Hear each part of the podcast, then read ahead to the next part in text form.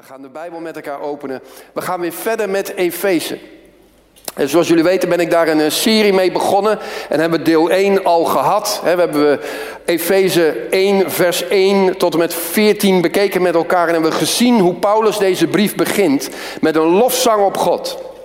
En ik wil jullie vandaag meenemen, eigenlijk even snel naar het eind van de brief. Want in Efeze 6, vers 10 staat: Voorts wees krachtig in de Here, in de sterkte zijner macht. En daar begint hij mee als hij de geestelijke wapenuitrusting begint uit te leggen aan de gemeente.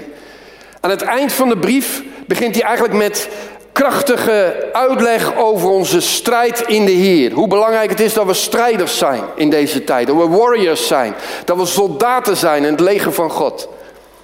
En dat is eigenlijk zijn eindplaatje.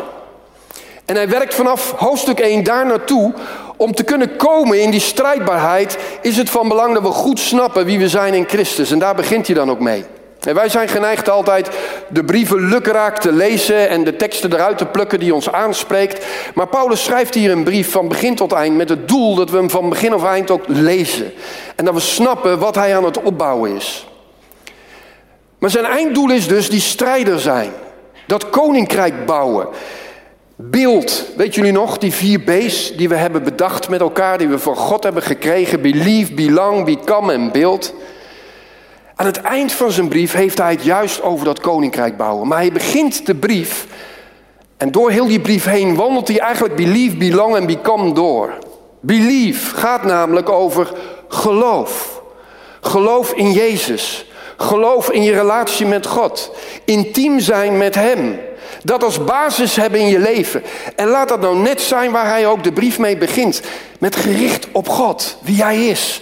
En wat hij heeft bewerkt voor jou, wie jij nu mag zijn voor hem. Een zoon, een dochter van de levende God, die nu al in de erfenis mag wandelen. Weet jullie nog mijn vorige preek? Leven bij de erfenis bij leven. dat we nu al in die heilige geest de volheid van Christus mogen ervaren. Dat we nu al als zonen en dochters dat mogen beleven. Eigenlijk dat moeten beleven. En Belief spreekt daarover. Dat je een geloofswandel hebt. Alleen geloof maakt dat dit realiteit wordt in je leven. Zodra je in ongeloof gaat stappen, dan ga je eigenlijk verbinden weer aan je oude natuur en dan ga je eigenlijk verbinden aan het rijk der duisternis. Maar geloof maakt dat je je gaat verbinden aan het koninkrijk van God, aan de voorzieningen die daar zijn. En dat vraagt intiem leven, intiem wandelen met jouw Heer, met jouw Schepper. Belong, ook dat vinden we in deze brief terug. Want de vorige keer heb ik ook behandeld dat Paulus daar praat over wij, wij die God aanbidden. En Belong praat daarover, over dat ons gevoel. Het samen God aanbidden, het samen strijden, het samen komen, het elkaars lasten dragen, voor elkaar bidden, voor elkaar op de bres staan, Schouder aan schouder staan, samen de netten pakken, samen de oogst binnenhalen. En Paulus onderscheidt dat, onderscheidt dat lichaam, cruciaal, hoe belangrijk dat dat is. En in Bilong valt dat samen in ons leven, als we dat eten, als we dat tot ons nemen. Als we er ook voor kiezen om samen op weg te gaan. Hoe belangrijk dat het is dat je mensen betrekt in wie jij bent. Betrekt met jouw hoogtepunt in je leven, maar ook de dieptepunt in je leven. En heel vaak zijn we geneigd om de dieptepunten te verstoppen voor elkaar. En dan niet om hulp te zoeken, dan niet die ander te vertrouwen daarmee, maar dat eigenlijk zelf te doen. Totdat het water ons aan de lippen stijgt. Dan pas reiken we uit. Maar hoe krachtig is het als we belong echt als onderdeel van ons systeem en ons realiseren, ja zonder belong kan ik niet gezond bouwen aan het koninkrijk van God. Zonder belong word ik niet gezond, word ik niet krachtig. Oftewel, je bent juist krachtig als je al heel snel die belong telkens bouwt in je leven. En gewoon appjes stuurt naar mensen om je heen. Ik kreeg er van de week een appje van José die een operatie krijgt. Nou, ze heeft direct vrijmoedig een appgroep gemaakt. En Jan en allemaal, alle vrienden en vriendinnen uitgenodigd in die appgroep. Omdat ze graag wil dat mensen voor haar op de bres staan. Nou, ik vind dat een hele goede vrijmoedigheid. Want daarmee betrekt ze, hé, hey, ik, ik geloof in belong. Ik geloof in samen. Ik geloof dat ik niet ergens alleen doorheen moet gaan. Zorg dat dat onderdeel is van je leven. En become, ook daar praat Paulus over naar de gemeente te Efeze. Want become gaat over dat je groeit als discipel van God. Dat er een levenswandel is met God. Dat je vandaag alweer anders bent als gisteren. Dat je vandaag het woord van God opnieuw opent en het weer tot je neemt en weer iets nieuws ontdekt. En dat je dat gisteren ook hebt gedaan en dat je dat morgen ook gaat doen. Dat je merkt dat er een discipline in je leven is om met het woord te leven. Om dat niet als iets van één keer per week te zien, maar als iets van dagelijks. En Paulus rekent daarmee. In al zijn brieven, in al zijn onderwijs, rekent hij ermee dat wij als discipelen van Jezus dagelijks met hem wandelen, dagelijks met hem voeden. Net zoals je dagelijks waarschijnlijk boterhammen neemt of iets anders. je voedt je daar dagelijks mee omdat je weet dat houdt me gezond, dat houdt me energiek. Zo is in dat become ook die dagelijkse honger naar de dingen van God nodig om gezond, stabiel en sterk te worden. Ik zou het dus willen omdraaien. Als je merkt dat de verwarring toeslaat, als je merkt dat je passiever wordt, matter wordt, kijk dan eens naar deze aspecten. Ben je nog wel bezig met dat belief? Ben je nog wel bezig in belong? Ben je nog wel bezig met dat become? En zodra je dat weer toevoegt aan je leven, zal je merken, hé, hey, de kracht van God komt daarin. En dan tenslotte beeld. Want Paulus wil uiteindelijk dat we daar terechtkomen. Hij wil dat al die vierde aspecten daar zijn. Maar hij heeft wel een speerpunt naar beeld toe. Want hij verwacht dat het lichaam van Christus groeit. Hij verwacht dat het groter wordt. Hij verwacht dat het toeneemt. Hij verwacht dat we oogst binnenhalen. Hij verwacht dat het koninkrijk zichtbaar wordt. Overal waar we zijn. Of je nou bent op je werk, of thuis in je gezin, of bij vrienden of familie. Of je bent in een fijne omstandigheid of in een moeilijke omstandigheid. Dat maakt niet uit voor het koninkrijk van God. Want het koninkrijk van God is altijd krachtiger dan het koninkrijk van de wereld. Dat heeft Jezus nou juist laten zien.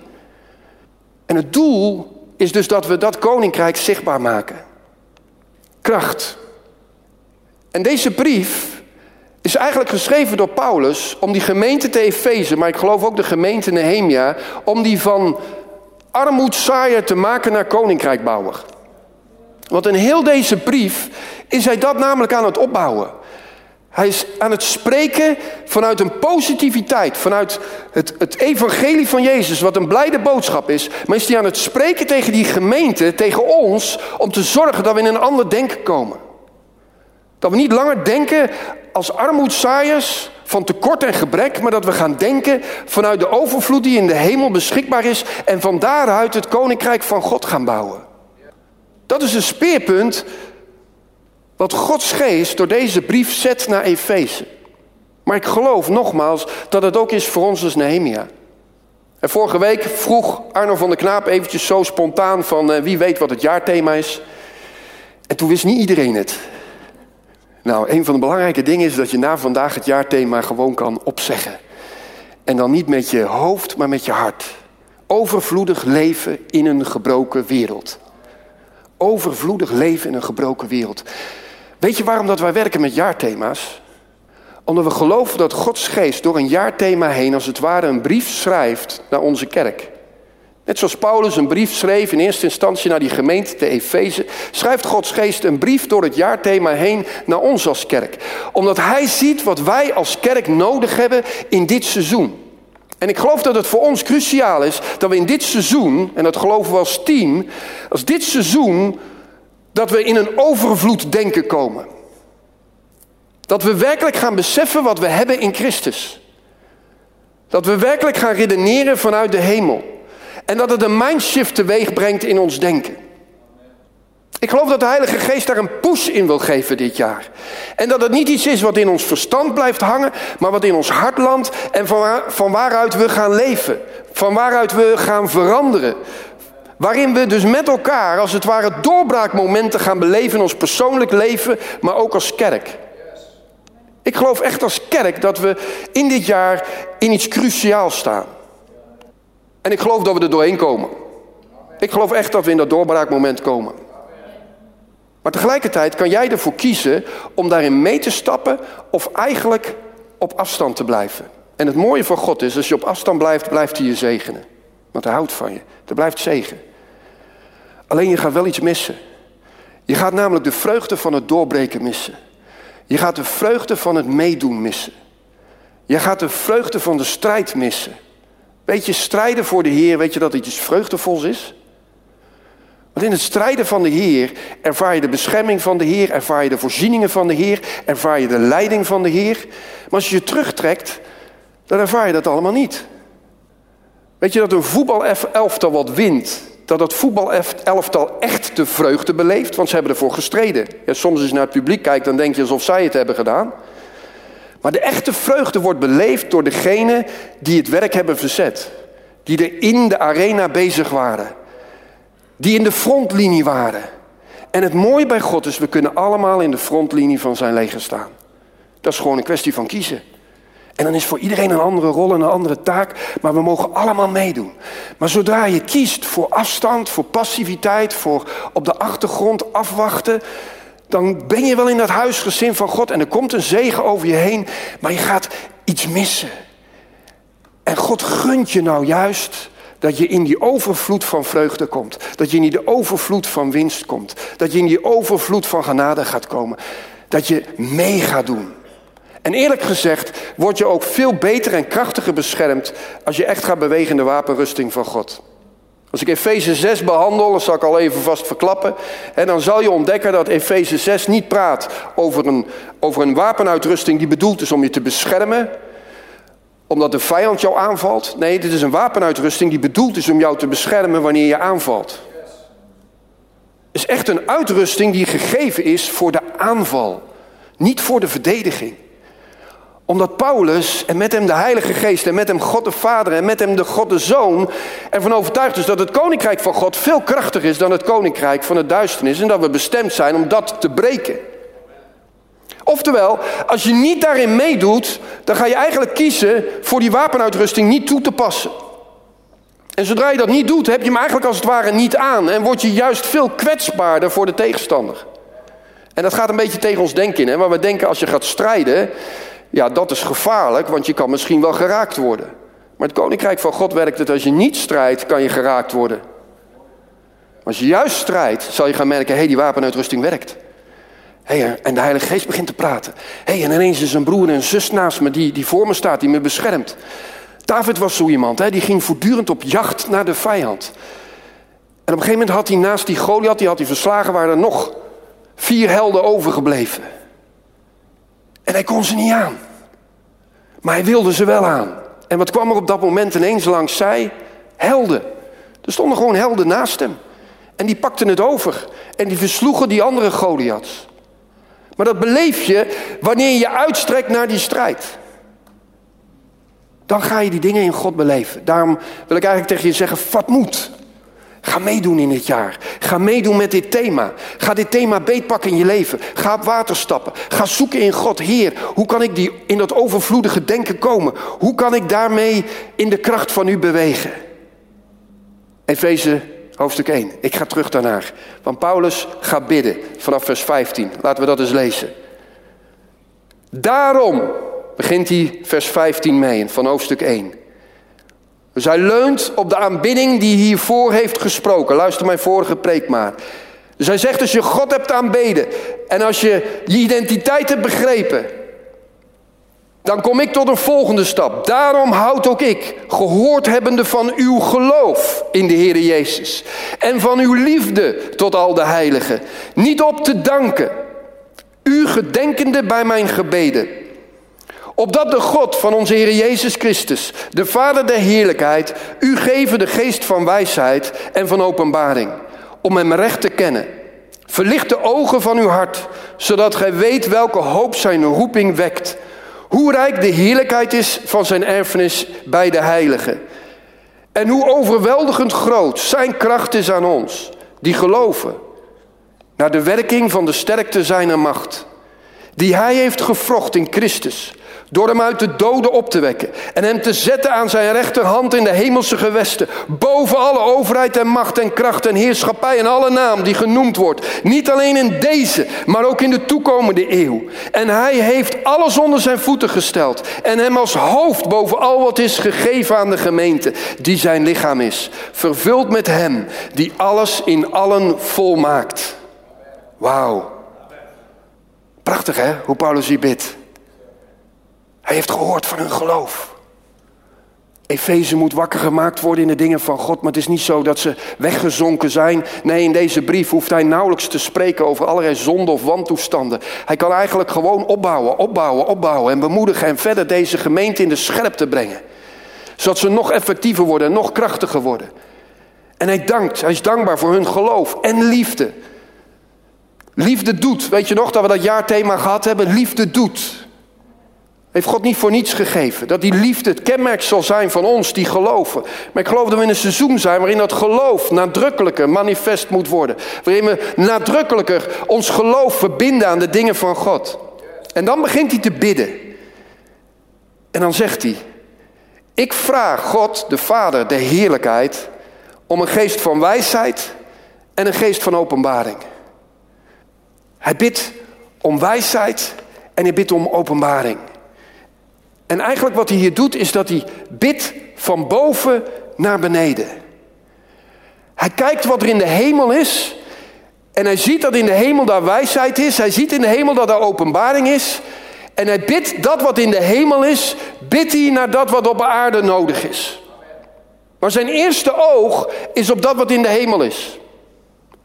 Als je heel dit gebed goed gehoord hebt, dan zie je dat hij nergens bidt voor noden.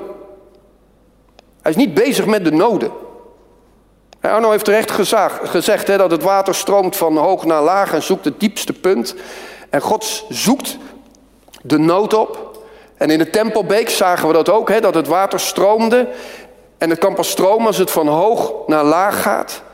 Maar dat wil niet zeggen dat wij een focus moeten hebben op de nood.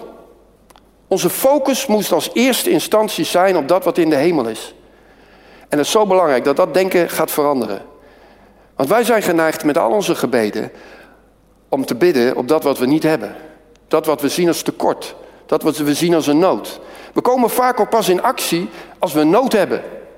Ons gebedsleven gaat minder worden zodat we minder noden hebben. Zodat het beter met ons gaat, stoppen we eigenlijk met bidden, want het gaat goed. Daarom hebben we ook die, die rare zegswijze, nood leert bidden. Nee, de hemel leert bidden.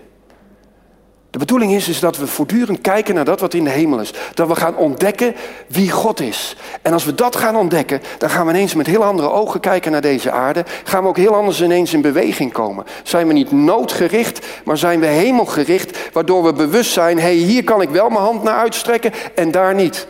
Is je opgevallen dat Jezus zich heel erg hield aan de opdracht? Dat toen hij hier drie jaar op aarde was, dat hij allerlei keuzes maakte. Dat hij dan hier naartoe ging en dan daar naartoe. En dat hij die weer ineens weer oversloeg. En dat hij nauwelijks buiten Israël was. Dat hij gewoon Nederland heeft overgeslagen. Hoe kan het joh? Als hij ergens naartoe had moeten gaan was het toch Nederland. Ons Nederland. Nou waarschijnlijk niet omdat wij helemaal niet zo chauvinistisch zijn. Hè? Dus wij denken helemaal niet zo over Nederland. Wij vinden Nederland helemaal niet zo belangrijk vaak. Wij, wij willen ergens achter in de rij dan staan. Nee, maar Jezus was niet op die uitnodiging ingegaan van ons als wij hadden gezegd kom naar Nederland. Nee, want hij had een focus voor Israël. Hij moest daar zijn. Hij moest daar het evangelie brengen. Hij moest als Jood geboren worden. Hij moest juist in dat volk het begin zetten. Hij moest daar de profetie in vervulling laten gaan. Hij maakte keuzes, omdat hij vanuit de Vader gedreven werd. Hij liet zich leiden door Gods geest. En je ziet Paulus precies hetzelfde doen. Paulus zie je ook zich laten leiden door Gods geest. En ineens wordt hij verhinderd om naar een plaats te gaan waar hij wel graag naartoe wil gaan. En erkent hij dat ook. Ik wilde al zo vaak naar jullie toe komen in Rome, maar telkens lukte het me niet. Nee, omdat hij niet leefde naar zijn eigen verlangens, nee, hij leefde naar de verlangens van God. Hij bidt voor openbaring en wijsheid. Wijsheid is dat je weet wat je moet doen in God. Openbaring is dat je weet wat zijn issue is, wat zijn plan is. Dat je zijn gedachten kent. En vanuit die gedachten komt wijsheid hoe het toe te passen. Hoe het handen en voeten te geven. Wat wel te doen, wat niet te doen. Wat wel te spreken, wat niet te spreken.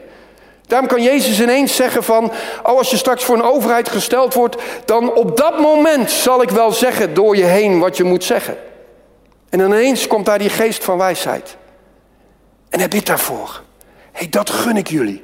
Dat jullie zo erin staan. En dat kunnen we pas goed ontvangen als we ook verlichte ogen van ons hart hebben. Dat zegt hij dan in vers 18.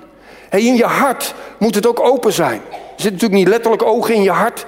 Nee, maar in je hart moet je ontvangen dat wat God geeft. Heel vaak kan God iets spreken en kan God iets zeggen, kan God iets openbaren, maar de volgende dag zijn we het al kwijt. Hoe vaak is dat niet zo in ons leven? Dat we een profetie hebben en dan een jaar later het al niet meer weten. Wat heeft hij toen ook alweer gezegd? En als we het dan niet opgeschreven hebben, dan is het gewoon voetsie. Want ons hart was niet open daarvoor. We zagen niet werkelijk wat God zei, wat God voor ogen had. We herkenden niet werkelijk de belofte voor ons leven. We geloofden het niet werkelijk. Dus het glijdt weer weg. Daarom bidt Paulus dat dat wat de Heer openbaart, dat wat Hij aan wijsheid geeft, dat dat iets ontmoet in ons leven wat het ontvankelijk maakt, wat het ook echt vastgrijpt. En je merkt dat dat een cruciaal gebed is. Dat is een gebed wat we eigenlijk veel meer moeten bidden. En met dat alles heeft hij tot doel om Hem recht te kennen. Oftewel, het doel met dit alles is dat we God kennen. Dat we de Vader kennen. Dat we Hem kennen zoals die is. Paulus maakt zich dus veel meer druk om intimiteit met de Vader als onze activiteit. Daarom begint hij pas in hoofdstuk 6 met de geestelijke strijd. Terwijl kinderen van God vaak met hoofdstuk 6 beginnen, want we vinden dat zo leuk. Een beetje beweging, een beetje strijd. Maar strijd vanuit een gebrek aan intimiteit gaat nooit werken. Dus hij bidt, zorg dat jullie intiem worden met de Vader. Zorg dat je hem werkelijk leert kennen. En dan, als je dat ontvangt, als je dat gebed, hoort, ja, dan gaat er iets krachtigs komen. Want dan gaat er zekerheid komen in je. Hoop die je roeping wekt. Hoop is een zekerheid. Je zekerheid van ik ben geroepen door God. Ik weet wat mijn bestemming is. En ik hou me daarin. En, en, ik, en ik realiseer me dat mijn pad anders is dan dat van mijn buurman. Maar als ik in mijn pad blijf wandelen, dan gaat mijn buurman daar ook voordeel van halen. En als we dat allemaal zo doen, dan worden we ook dat gestructureerde, gezonde leger van God. En dat gezonde lichaam van God. Omdat ieder zijn deel doet. En hij bidt dat als je intimiteit met vader is, dan ben je niet meer bezig met naar een ander kijken. Nee, je bent bezig met naar je vader kijken. En dan ben je aan het doen wat hij je aanreikt. En dan vind je je vreugde ook in het feit dat hij blij is met datgene wat je doet. En dan maakt het dus helemaal niet meer uit of een ander het beter doet of niet. Want je wordt bemoedigd door je hemelse vader. En dat is de meest krachtige bemoediging die je kan krijgen. Weet je dat? En wij zoeken vaak de bemoediging van elkaar. En ik geloof dat bemoediging door elkaar dat dat heen mag. Hè, want belong hoort erbij. En dat versterkt ook. Maar als dat het enige is, als je niet je bemoediging haalt uit je intimiteit met de Vader. Dan word je uiteindelijk een zwak christen. En daar maakt Paulus die draai en zegt hij: Hé, hey, word wakker daarin. Word wakker daarin. Ik bid daarvoor. Dit is cruciaal voor jullie geloofsleven. Dit is cruciaal. En dan komt hij eigenlijk heel veel verzen naar de opstandingskracht. En dat is bijzonder. Paulus wijdt in deze hele brief bijna geen enkel vers aan het lijden en het sterven van Jezus Christus. Dat doet hij in de Romeinenbrief, dat doet hij in de Korinthebrief. Maar in de Efezebrief niet. In de Efezebrief is hij heel erg gefocust op de opstandingskracht van Jezus. En hij zegt dat in prachtige volzinnen, je hebt het net gehoord. Hij wil graag, en dat bidt hij, dat wij gaan ervaren hoe overweldigend groot zijn kracht is aan ons die geloven. Naar de werking van de sterkte zijner macht die hij gevrocht heeft in Christus. Door hem uit de dood op te wekken. Kracht, macht. Hij heeft hem uit de dood opgewekt. Hij is door de dood heen getrokken. Hij is in een opstandingslichaam getoond aan zijn discipelen. En aan meer dan 500 mensen. En die opstandingskracht is cruciaal om te beleven. Hij wil, de geest wil, dat wij in die opstandingskracht gaan bewegen. Daarom hebben we hier een leeg kruis hangen. We geloven in de opstanding van Jezus. Maar je kan wel geloven in de opstanding van Jezus. Maar als die opstandingskracht niet doorwerkt in je leven. Dan is het net als een stopcontact, waar we hier op het podium er heel veel van hebben. Wat hier vrolijk ligt. Hier ligt zo'n stekkerdoos. Er zitten er nog vijf leeg. Die vijf doen niks. Terwijl er 220 volt op staat. Maar zodra ik er een boormachine in zet, dan ineens ga je merken dat daar stroom op staat. Dan ineens ga je merken dat die 220 volt op staat. Afhankelijk van welk apparaat er je op aansluit, hoeveel vermogen dat het heeft, gaat er mega veel stroom doorheen. En trekt het hier misschien wel heel de boel plat, zodat alle lichten uitvallen en alle camera's uitvallen. Maar dan wordt de kracht gebruikt. Er zit allemaal kracht hier, verborgen in dit podium. Maar de vraag is, nutten wij die kracht? Stoppen wij ons stekkertje erin? Pluggen wij in? Zeggen wij in ons dagelijks leven, ik geloof in deze opstandingskracht van Jezus. En ik geloof dat Paulus hier iets bidt, wat, wat een gebed is ook voor mij. En ik spreek dat gebed ook hardop uit in mijn eigen stille tijd. Ik ontvang dat gebed vandaag. Dus als ik in een situatie kom. Nee, ik moet anders zeggen. Ik ga situaties zoeken waar de opstandingskracht van God zichtbaar mag worden. Ik ga in beweging komen. Ik laat me leiden door Gods geest. En ik realiseer me, Heer, hier kan ik mijn hand op leggen. Dit brood kan ik zegenen. Dit visje kan ik zegenen. Deze persoon kan ik zegenen. Toen ik voor Nel hulp bad, gebeurde er niet veel. En ik bad en ik zong en ik, en ik las mijn Bijbeltekst voor. En ik voelde dat, dat we afscheid aan het nemen waren, heb ik net gezegd. En toen had ik dat helemaal afgerond. Toen was ik klaar. Ik had zoiets van, nou, die gaat binnenkort naar de Heer. En toen ineens werd ze wakker. En toen zei ze ja. Alsof ze amen zei. Dus ik denk, nou, daar kan ik een gesprek weer aan. Maar nee hoor, daarna ging, viel ze weer in slaap. En zo is ze slapende gebleven totdat ze naar de Heer is gegaan. Maar ineens was daar die reactie. En het bemoedigde mij. Ik had yes. Ook al doe je het sowieso goed, hè, dat, dat, dat, maakt niet uit. Maar het is toch wel leuk als er een reactie op komt. Dat je merkt, ja, in de geest heb ik iets geraakt bij deze zus. Ik heb iets mogen meewerken aan haar heen gaan in God. Hey, ik ben deel van die eeuwigheid. Ik mag meewerken aan de dingen van God.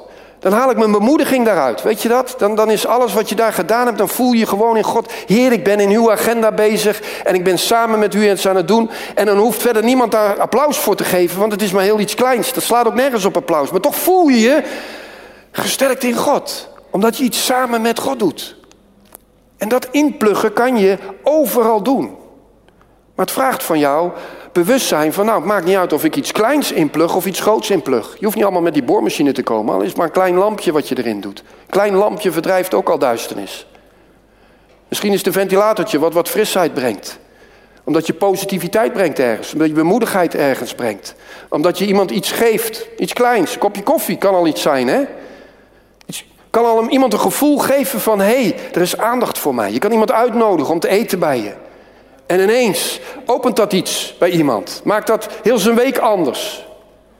Het zit in kleine dingen. Maar het is wel inpluggen in de kracht van God. En ik geloof dat als we leren in te pluggen, dat we steeds vrijmoediger worden om grotere dingen in te pluggen. Want ik geloof dat die opstandingskracht ook echt bedoeld is dat doden levend worden. Dat zieken gezond worden. Dat demonen op de vlucht gaan. Ik geloof dat die opstandingskracht niet gegeven is om alles zo te laten zoals het nu is. Maar dat de kerk werkelijk een licht is in deze wereld. En dat mensen er naartoe rennen. Omdat ze zich realiseren dat is een plek van hoop. Dat is een plek van verandering. Dat is een plek van echtheid. Dat is een plek waar zwakte omgedraaid wordt in de kracht van de Heer. Dat is een plek waar zieken genezen. Maar dat vraagt van ons dat we geloven hechten aan wat God zelf zegt. En dat we zeggen, oké Heer, ik word intiem met u. En ik vraag om openbaring en wijsheid. En ik geloof in de opstanding. En ik ga het gewoon doen. En misschien gebeuren er niet dingen spectaculair in het begin, maar ik hou vol. Ik hou vol met me te richten op de dingen van u. Ik sluit aan. En in dat volhouden staat een heel, heel krachtige tekst. In twee koningen, die wil ik met jullie ook lezen. Dat is het verhaal van Elia, Elisa en Joas. Twee koningen, hoofdstuk 14, vanaf vers 1. Heel apart verhaal. Ik heb het wel eens eerder gebruikt, en, maar ik geloof dat het goed is dat we het opnieuw horen. En dat je eigenlijk luistert weer opnieuw met je geest. Vanuit een God die van je houdt en die je wil aanvuren tot het betere in hem. Luister alsjeblieft zo. Nog heel veel christenen luisteren eigenlijk naar prediking van wat ze niet goed doen. Hè? Oh, ik krijg op mijn kop vandaag. Ik moet beter mijn best doen morgen. Als je in dat denken zit, ga je, ga je op een verkeerde pad komen. Want je gaat het niet beter doen morgen. Dat lukt niet. Het beste is als je het met de Heer doet. En dan zal je merken dat Hij het doet door je heen. En dan kan zelfs jouw falen, jouw tekorten, kan Hij omdraaien ten goede. Dat is nog eens mooi. Dan verpruts je iets en dan ontstaat er door ineens iets van een opening waardoor je weer kan praten met iemand of iets anders kan doen met die persoon. En ineens wordt het weer iets moois.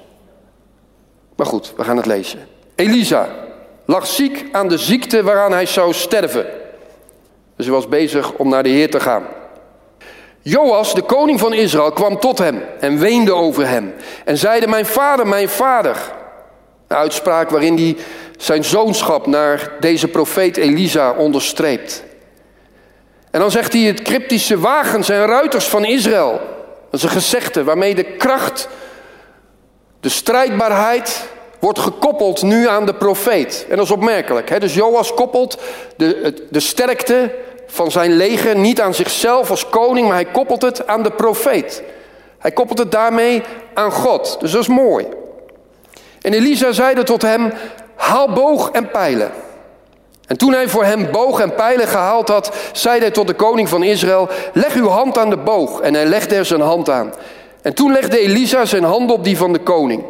En daarna beval hij: Open het venster naar het oosten. En toen hij het geopend had, zeide Elisa: Schiet. En hij schoot. En toen zeide hij: Een pijl der overwinning van de Heere. Ja, een pijl der overwinning op Aram. Gij zult Aram bij Afek tot vernietiging toeverslaan. En daarna zeide hij, neem de pijlen. En toen hij ze genomen had, zeide hij tot de koning van Israël, sla op de grond. En hij sloeg driemaal en hield toen op. En de man gods werd toornig op hem en zeide, gij had vijf of zesmaal moeten slaan. Dan had gij Aram verslagen tot vernietiging toe. Maar nu zult gij Aram driemaal verslaan. Het is heel duidelijk dat het een profetische handeling is. Iets symbolisch moet deze koning doen. Hij moet een pijl afschieten naar het oosten. En jullie weten nog van mijn vorige preek dat het oosten, waar de tempelbeek, he, die, dat water stroomt ook naar het oosten. Vanuit het oosten komt de heerlijkheid van God. Met deze pijl wordt, wordt eigenlijk richting gegeven naar God zelf. En vanuit God komt de overwinning. Daarom kan de profeet Elisa ook spreken. Hey, nu je deze pijl hebt geschoten door het venster van het oosten, komt de overwinning van de Heer naar je toe. Een profetische daad. Prachtig. En je zou verwachten dat daar het verhaal stopt. Want de overwinning is daar. De belofte is daar. Het is gesproken. De profetie is geuit. En zoals vorige week opnieuw bevestigd. Dit jaar wordt een jaar van overvloed op alle terreinen voor dit huis. Het is gesproken. Yes, klaar. We hoeven niks meer te doen. Hé, hey, maar dan komt een vervolgopdracht. Neem die pijlen. Neem die pijlen. En de koning pakt de pijlen. En dan zegt hij, sla mee op de grond. En de koning slaat, slaat, slaat. En dan stopt hij. Eigenlijk staat daar letterlijk in het Hebreeuws, dan staat hij stil. Hij staat stil. Hij wacht af. En dan ineens is de profeet kwaad. En dat vinden we zo raar. Toch? Vijf of zes keer. Nou nog drie.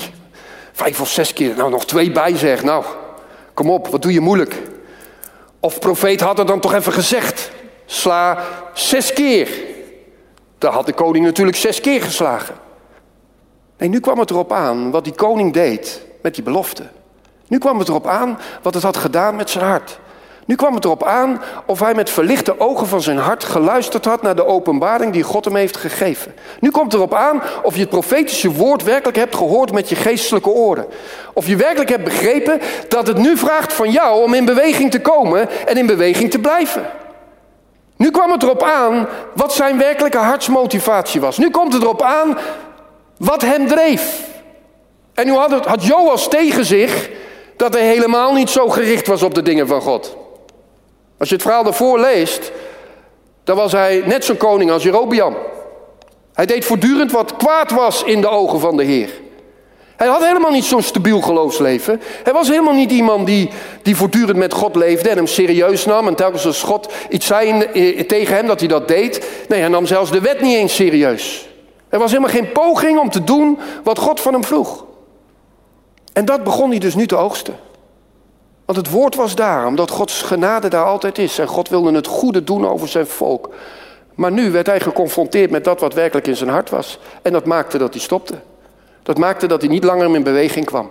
Dat maakte dat hij lui werd. Dat maakte dat hij passief werd. Dat maakte dat hij, wat er letterlijk staat, hij stond stil.